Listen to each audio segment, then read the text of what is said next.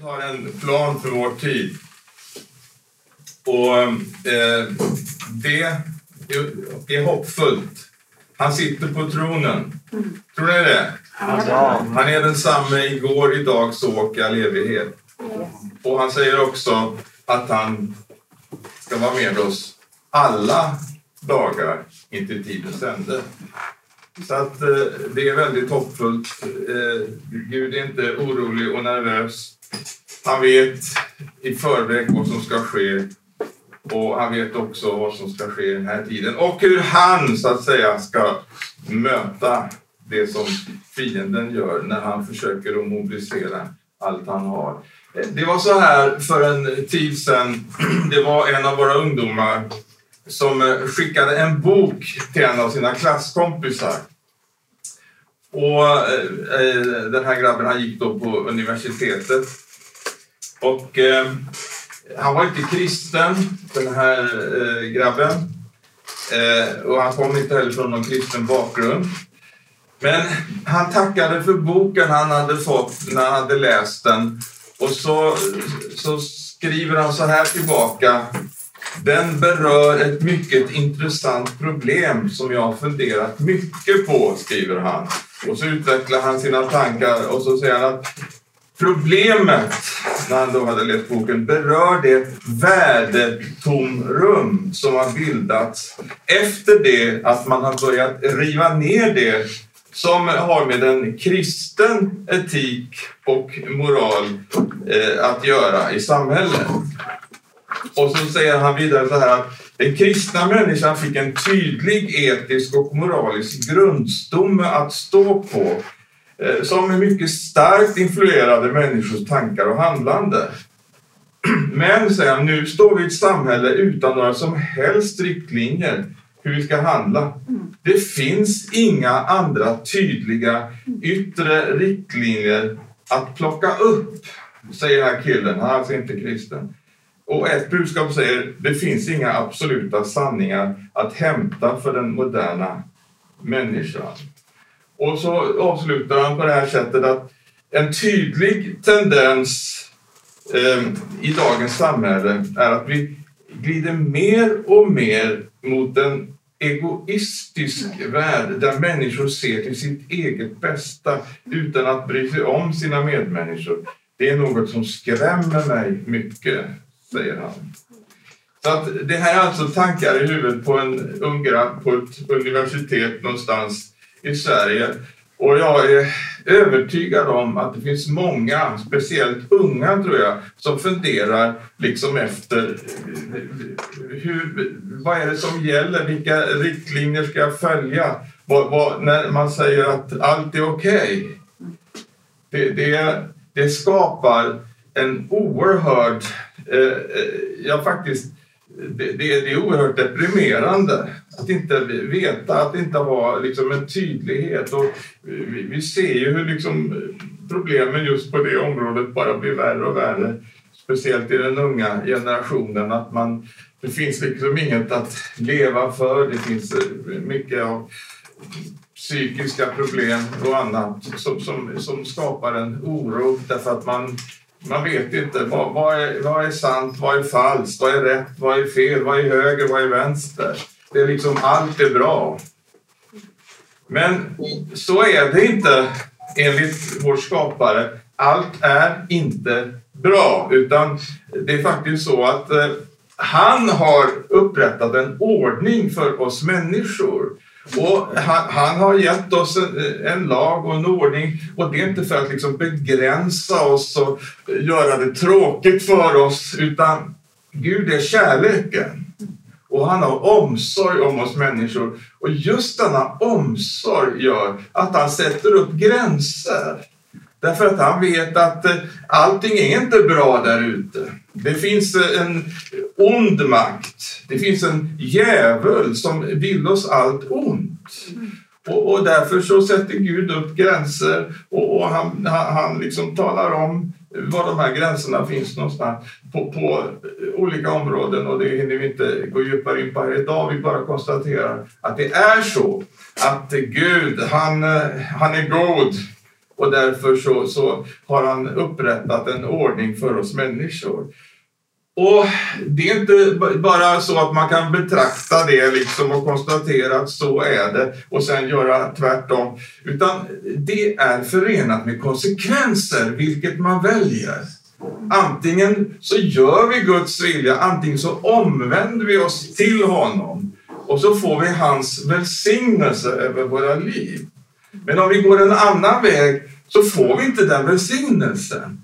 Utan det är helt enkelt att välja mellan välsignelsens väg och förbannelsens väg. Men jag ska dela någonting här idag som eh, kom till mig förrgår var det väl faktiskt. Eh, jag satt och funderade inför mötet här och bad om ledning.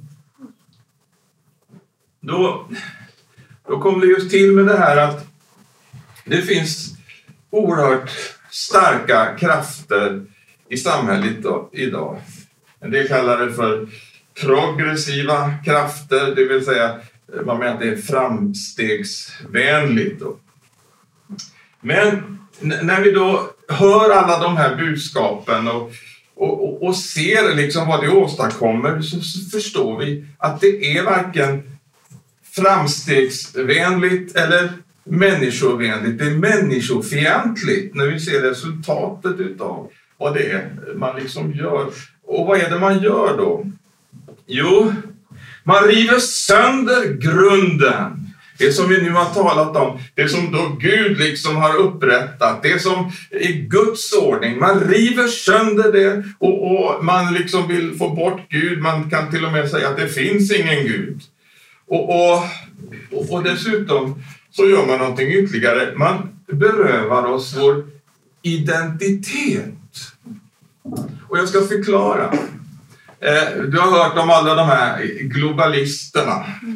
Det handlar liksom om att eh, skapa någon slags eh, massmänniska. Alla ska liksom tänka lika och gå åt samma håll. Och, och vad är det då man, gör när man berövar oss vår identitet? För det första så börjar man ifrågasätta det här med vår könstillhörighet, vår familj, vår etik, och moral, vår tro, vår nationalitet, varför, eh, eh, eh, exempel, alltså allt som handlar om hela vår identitet. Man, man vill beröva oss våra rötter. Och så angriper man eh, familjen. Vi vet att Gud, han har upprättat detta. Eh, han, han, skapade man och kvinna. Det var som eh, jag, hette, jag hörde Little Richard en gång predika i Los Angeles. Eh, han var frälst vid den tiden i alla fall. Och då sa han att Gud skapade Adam and Eve, sa han, inte Adam and Steve. Och, och, och, och det är verkligen viktigt att förstå att det är på att Gud har en ordning. Och, men vad man gör då, då liksom angriper man själva de här grundfundamenten förordningar som Gud har fastställt, liksom eh, eviga förordningar. Och så lagstiftar man fram laglösheten genom att successivt förändra äktenskapet till att kunna bli i slutändan nästan vad som helst. Man kan gifta sig med vem som helst och hur många som helst till slut också. Det, det är liksom, man, man luckrar upp. Va? Och alltsammans det här som sker. Och så börjar man använda orden, jag tänker på, jag har hört sista tiden, speciellt påven talar ju om det här, om den liksom globala familjen och det globala hemmet. Man, man liksom förvirrar oss och, och, och, på något sätt man urholkar ordens betydelse och fyller dem med någonting annat. Därför att när vi säger familj så tänker vi inte på alla överallt på hela jorden, utan familjen är familjen. Och, och likaså vårt hem, det är inte överallt utan det är någonstans. Men allt, allt det här språkbruket och allt det här som man gör, det, det är liksom för att luckra upp, luckra upp, luckra upp, eh, förstöra det som liksom är det grundläggande, det som vi skapade för att leva i. Men, och och det räcker liksom inte alltså, jag vet inte om jag ska gå vidare och berätta just de här sakerna, men, men alltså det är precis som att för att bli respekterad så måste man bli en världsmedborgare, man måste bli en slags eh, könslös hen. Och man kan inte vara liksom en mamma och en pappa, utan man är förälder ett och förälder två. Och, och så liksom alla möjliga sådana här saker. Man liksom vill, bort med allting som är, är en, en ordning som Gud har skapat. Och så är den här nedbrytningsprocessen då, till slut så blir vi liksom i ett nummer, man tar bort vårt personnamn och så får vi ett nummer istället och så blir vi liksom ett nummer i en stor megasuperdatabas. Och så har vi liksom bildat eh, plattformen, det som Bibeln har talat om i flera tusen år, det som ska ske i den yttersta tiden, när den här massmänniskan liksom kommer, som, som dras med utav denne store eh, eh, den person som, som liksom eh, personifierar allt sammans det här så, som vi har talat om här.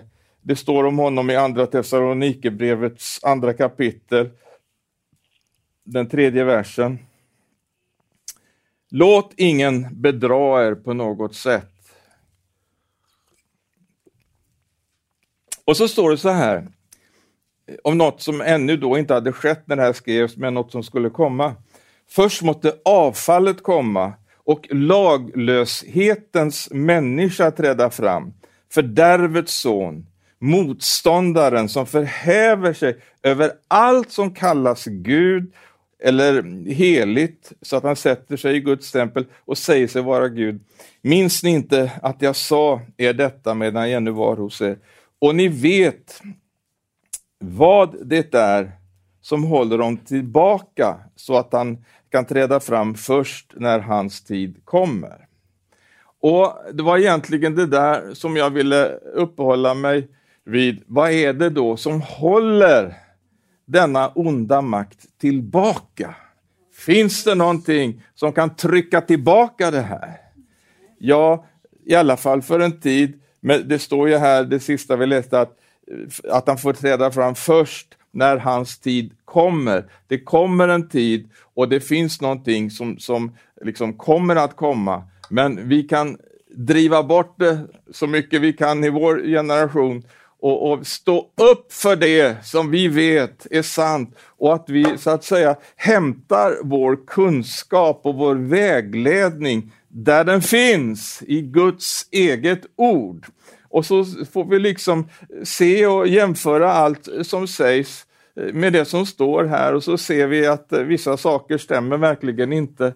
Och då, då följer vi ju Guds ord. Eller hur? Eller hur? Ja, vi följer Guds ord. Eh, men det gungar under fötterna skulle man kunna säga. Och det, det är verkligen så att det är många som jag sa här, som, som, eh, som känner av det här och, och det finns en slags eh, otrygghet. Men eh, det, det, jag ska läsa ifrån Saltaren ifrån den elfte salmen. Där står det så här. Elfte salmen och den tredje versen. När grundvalarna raseras vad kan då den rättfärdige göra? Det är en fråga. Om nu grundvalarna luckras upp och raseras, vad kan den rättfärdige göra? Och då kommer svaret här, Herren är i sitt tempel. Herrens tron är himmelen, Eh, är i himlen. Hans ögon ser, hans blickar prövar människors barn. Alltså med andra ord, när alltsammans det här sker, Eh, svaret som psalmisten får här det är det att, Herren är i sitt tempel och Herrens tron är i himlen. Vi har här under eh, några veckor så har vi talat om församlingen och vi har talat om att det finns eh, förebilder i Gamla Testamentet för församlingen. Vi har talat om tabernakel, vi har talat om templet och att templet då här, det, det, det, handlar om en förebild till det som i Nya Testamentet är Guds församling. Och när jag läser här då så, Herren är i sin församling. Och jag, jag, tror så fullt och faktiskt, ju mer jag studerar Guds ord så, så, så har jag i alla fall den uppfattningen, vad är det som håller tillbaka? Vad är det som håller den onde och ondskan tillbaka? Jag tror att det är Guds församling. Jag vet att det finns andra tolkningar, men, men så här tror jag. Och nu är det jag som predikar. Eh, eh, för att eh, det, det, det är bara så att det finns någonting, en utpost av himlen i den här världen. Någonting som Jesus har sagt, jag ska bygga min församling och helvetets portar ska inte bli den övermäktig. Och så ser vi liksom alla de här underbara liksom, ställena som vi kan läsa om vad Gud har tänkt genom sin församling och, och, då bara känner man Jesus, tack att jag får vara i din församling. Tack att jag får vara en del av församlingen och tack att jag tillsammans med mina syskon, både lokalt men också eh, på, på, andra platser i, i, den här, i det här landet och i den här världen, får stå upp för sanningen sanningens ord, sanningens ande och honom som är sanningen själv, Jesus Kristus. Därför att vi lever i en värld och Jesus säger om, om den som regerar här i världen, han säger att det är djävulen och han är lögnens fader. Så att vad han håller på med helt enkelt, när han då liksom kommer med alla sina nya idéer och ideologier och filosofier och allt liksom som bombarderar människors sinnen och bryter ner det som så, så att säga Gud har gett som, som, som, som det som är de riktmärken och, och det liv som vi ska leva. När, allt samma, när den här processen sker, då vet vi, halleluja, det finns en bevarande och beskyddande kraft. Halleluja.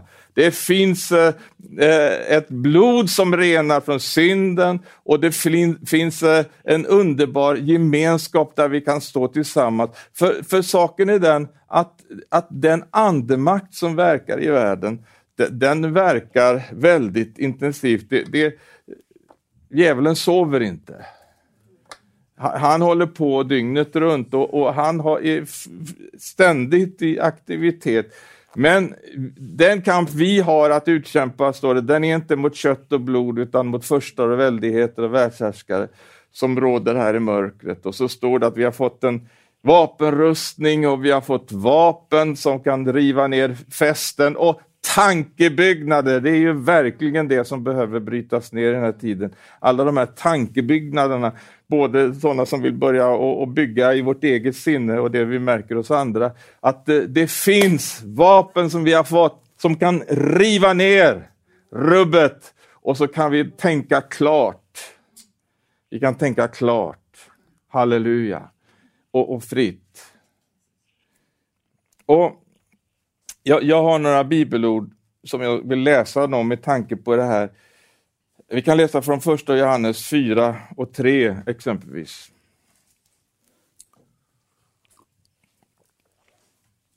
Det står så här.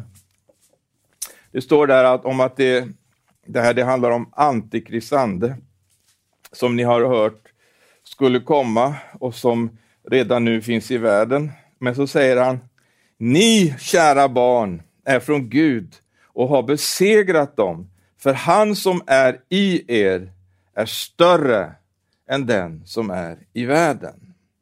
Halleluja! Så att eh, med andra ord, vi vet att eh, även om liksom, vi tycker att ja, men vi är inte så många eller någonting sånt där, vi vet att det handlar inte om oss och vi, utan det handlar om Jesus. Och det är han som har vunnit segern. Och det är det jag, jag tycker att jag på ett speciellt sätt de sista veckorna eh, verkligen har sett det här tydligare. För att vi, vi säger ibland att vi, vi, vi ska kämpa och, och, vi ska be, men vad vi egentligen ska göra, det är ju bara att eh, verkställa den seger som redan är vunnen. Så att eh, Gud har ställt församlingen i världen Eh, för att vara med och administrera och verkställa den seger som Jesus redan har vunnit.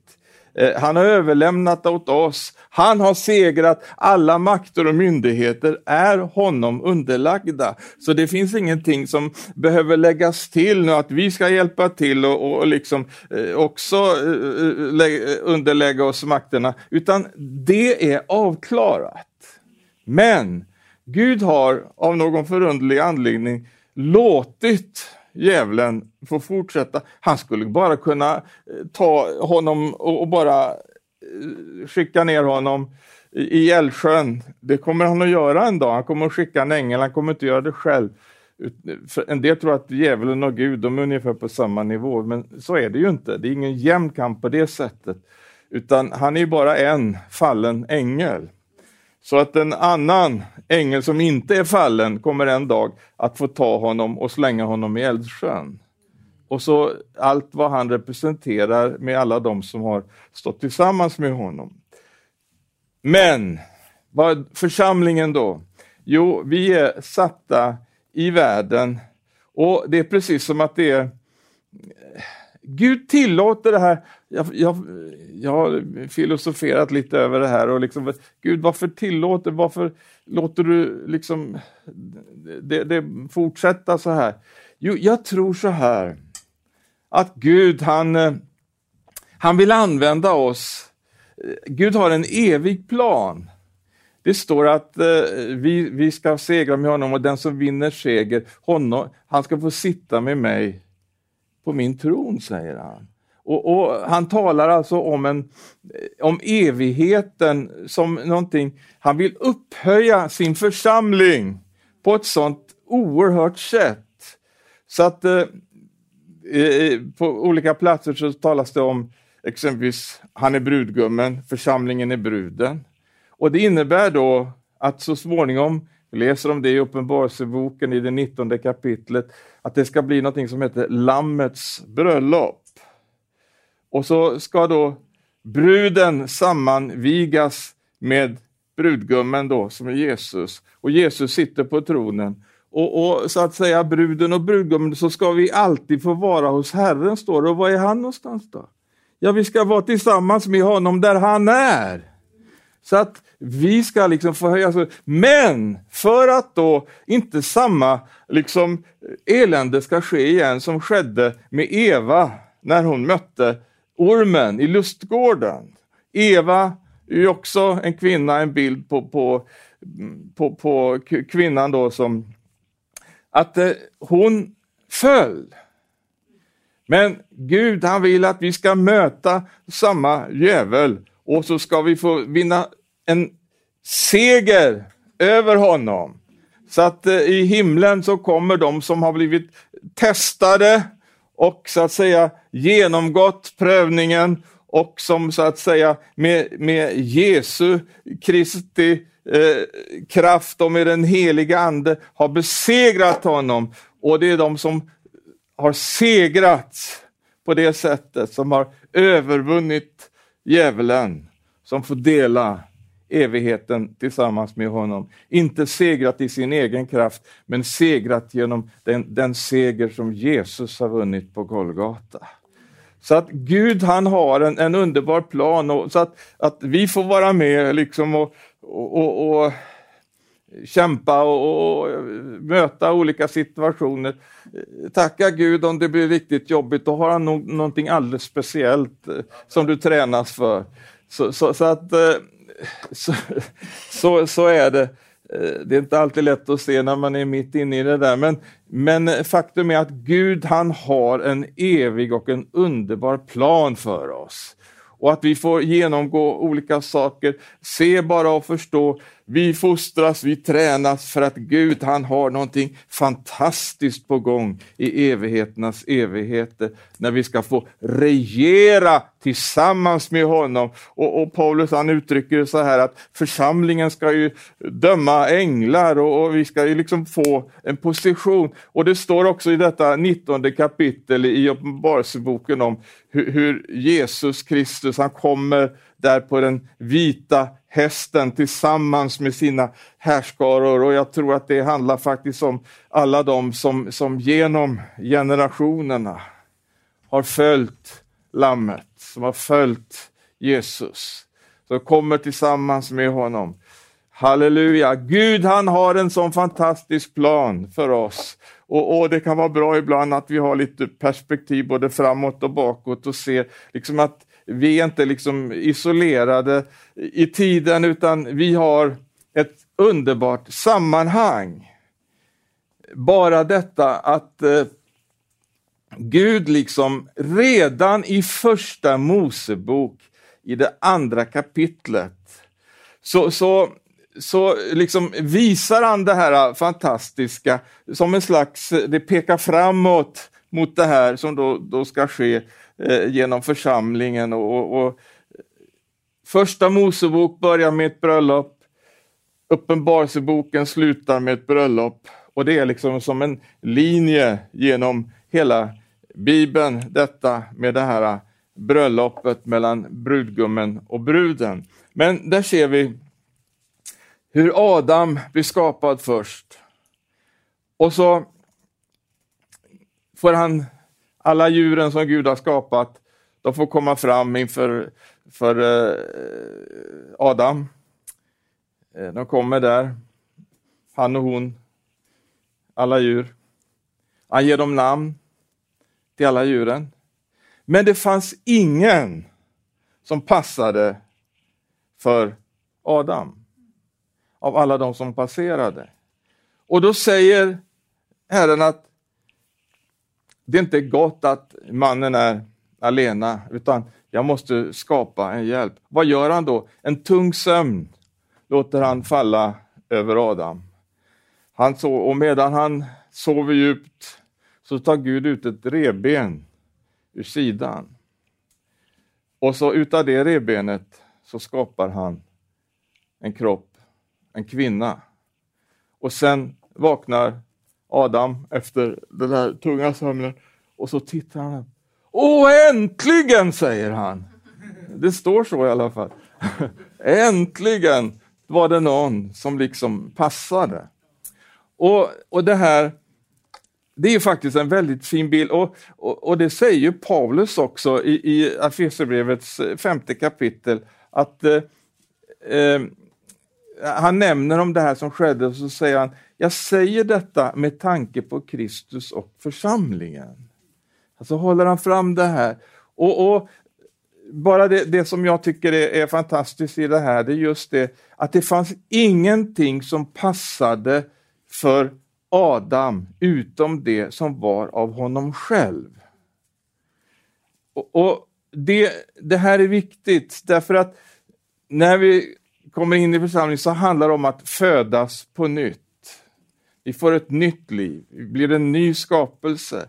Vi är födda och Kristus tar gestalt i oss. Och det är det som så att säga Gud har gjort, att Kristus bor i oss. Det är det som är bruden. Det är det som är av honom, som är taget ut ur hans kropp, som är hans kropp. Vi är Kristi kropp. Eller hur? Och, och, Det innebär att vi är lemmar i kroppen, vi är en del av församlingen. Och Jag bara tycker det där är så underbart när jag liksom bara ser det där. Det som är fött av kött, det är kött, men det som är fött av ande, det är ande. Så att eh, det är bara det som är fött ifrån himlen som, som ska komma till himlen. Det är det som är av himlen som hör hemma där. Så att eh, det finns väldigt mycket att säga om det här, det är en egen predikan, men men jag bara tycker att eh, när Gud liksom börjar öppna upp och visa lite grann vad hans eviga plan är, så blir det så det blir så stort och välsignat och man ser, men Gud, vilka enorma tankar du har! Hur har du kunnat tänka ut det här? Men han är ju Gud! Och, och vi kan liksom bara se liksom lite grann utav det som, han, som är hans eviga plan. Men det är det som Paulus säger när han talar i, eller när han skriver i Efesierbrevet, det tredje kapitlet om, om att den heliga ande hade liksom uppenbarat för honom Guds hemligheter, de hemligheter som finns i Guds hjärta. Men när vi tänker på det som vi började med här, vad är det då som är Guds kallelse här i tiden? Ja, det är ju helt enkelt att eh, göra känt för människor eh, och det, och det är det som, som vi läser om. Vi kan titta på det bibelordet eh, i Efesierbrevet, det tredje kapitlet, där det står om det här. Eh,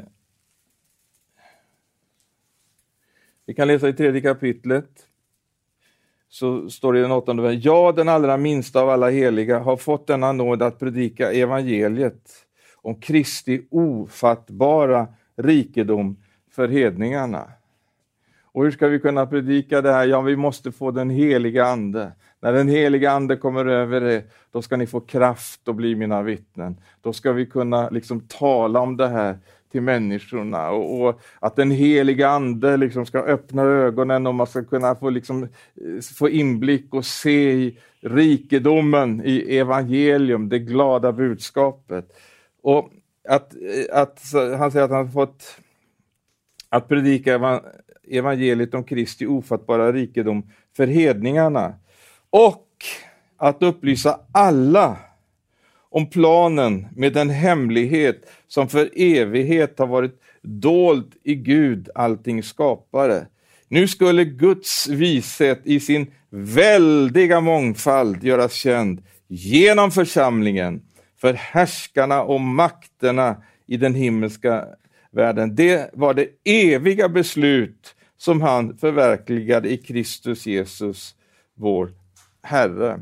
Alltså, med andra ord, här ser vi att detta skulle predikas för hedningarna, men det skulle också predikas för, för liksom hela andevärlden, för eh, världshärskare och, och, och eh, makter i, den himmelska världen. Detta som då så att säga var en hemlighet som kom från Guds hjärta, nu skulle det uppenbaras.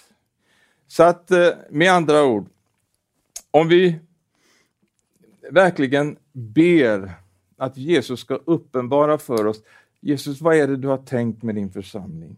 Det är väl inte bara att vi kommer tillsammans med, på en gudstjänst klockan 11 en söndag och läser lite, sjunger lite, fikar lite, lite så, utan det, det, det måste ju vara något oändligt mycket mer. Och, och jag upplever att vi, vi, vi, är i behov av verkligen att få in den uppenbarelsen och kunskapen nu, när vi ser hur fienden mobiliserar. Han vet att hans tid är kort och vi måste förstå, vad är det för någonting som Gud vill använda för att möta fienden? Vi måste få mera kunskap om det som han har bestämt liksom ska kunna liksom hålla fienden borta. Vi måste få mer kunskap om både vad, han, vad, som är hans tanke med församlingen, men också hur han vill verka genom sin församling och vilken, vilka vapen, vilken utrustning, vad, hur han kallar oss, hur han vill använda oss. Det är genom församlingen som Gud vill verka i den här tiden. Vi kan hålla på med mycket och plottra med alla möjliga saker, men det är genom församlingen som Gud verkar i den här tiden. Det är församlingen som har fått det mandat, som har fått eh, den auktorisation eh, från himlen för att utföra det här jobbet. Att driva främmande herrar på flykten och att kunna så att säga, vara med och, och kalla in människorna, att, att frigöra människorna, att eh, ge dem kunskap om Jesus. Och Jag vill läsa här när vi börjar gå mot slutet eh, ifrån eh, Jesaja i, i det nionde kapitlet. Så står det där. Eh, det är väl lite julevangelium. Det står så här. Halleluja, och det här är verkligen ett hoppets budskap. Men det ska inte vara nattsvart mörker där ångest nu råder. Det råder ångest på många platser i det här landet, men det ska inte vara nattsvart mörker där ångest nu råder. Och så kan vi läsa eh, i den andra versen. Det folk som vandrar i mörkret ska se ett stort ljus. Över dem som bor i dödsskuggans land ska ljuset stråla fram.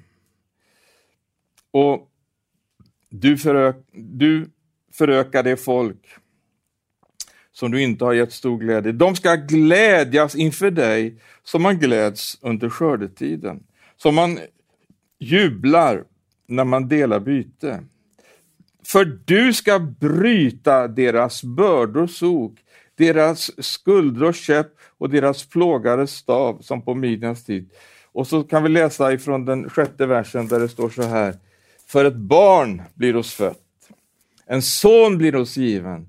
På hans axlar vilar herradömet. Halleluja. Så att vi vet vem det är som så att säga är herre, vem som har herradömet. Han heter Jesus Kristus.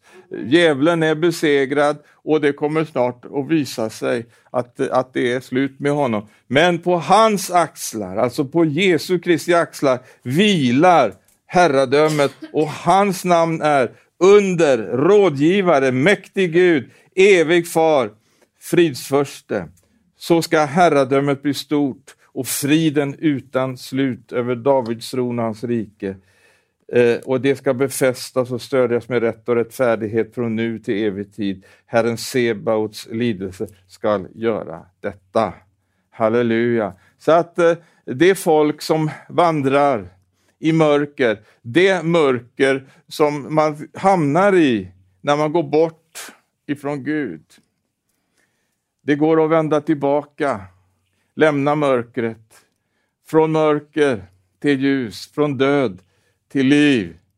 Frå, frå, från allt av, av, det som djävulen representerar till allt det underbara som Gud har i beredskap genom Jesus Kristus.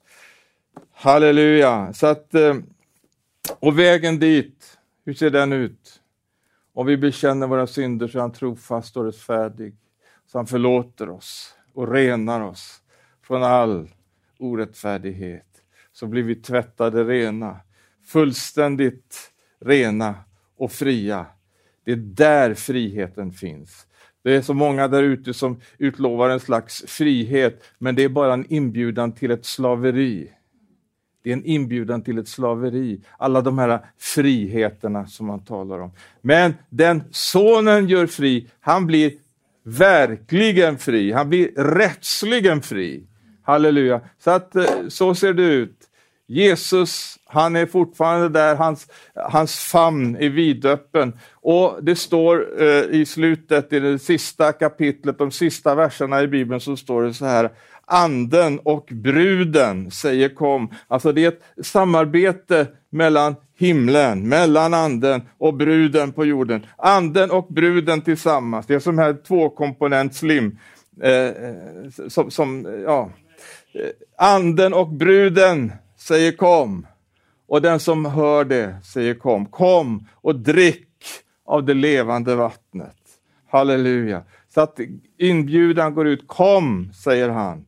Han, han välkomnar oss allesammans han, vill, han är den gode heden. Han vill rädda oss ifrån alla de krafter som vill destruera och förstöra. Så att eh, det är vår kallelse att gå ut och verkställa den seger som Jesus har vunnit och befria människor. Lösa dem ifrån djävulens snara. Halleluja! Vilken underbar uppgift vi har fått. Och snart kommer Jesus igen. Halleluja. 38, 37, 36. Halleluja, tack Jesus. Tack att du har segrat på Golgata. Tack att vi, Herre, får stå i din seger. Tack att eh, du har köpt oss med ditt eget blod, Herre. Och tack att eh, denna seger får verka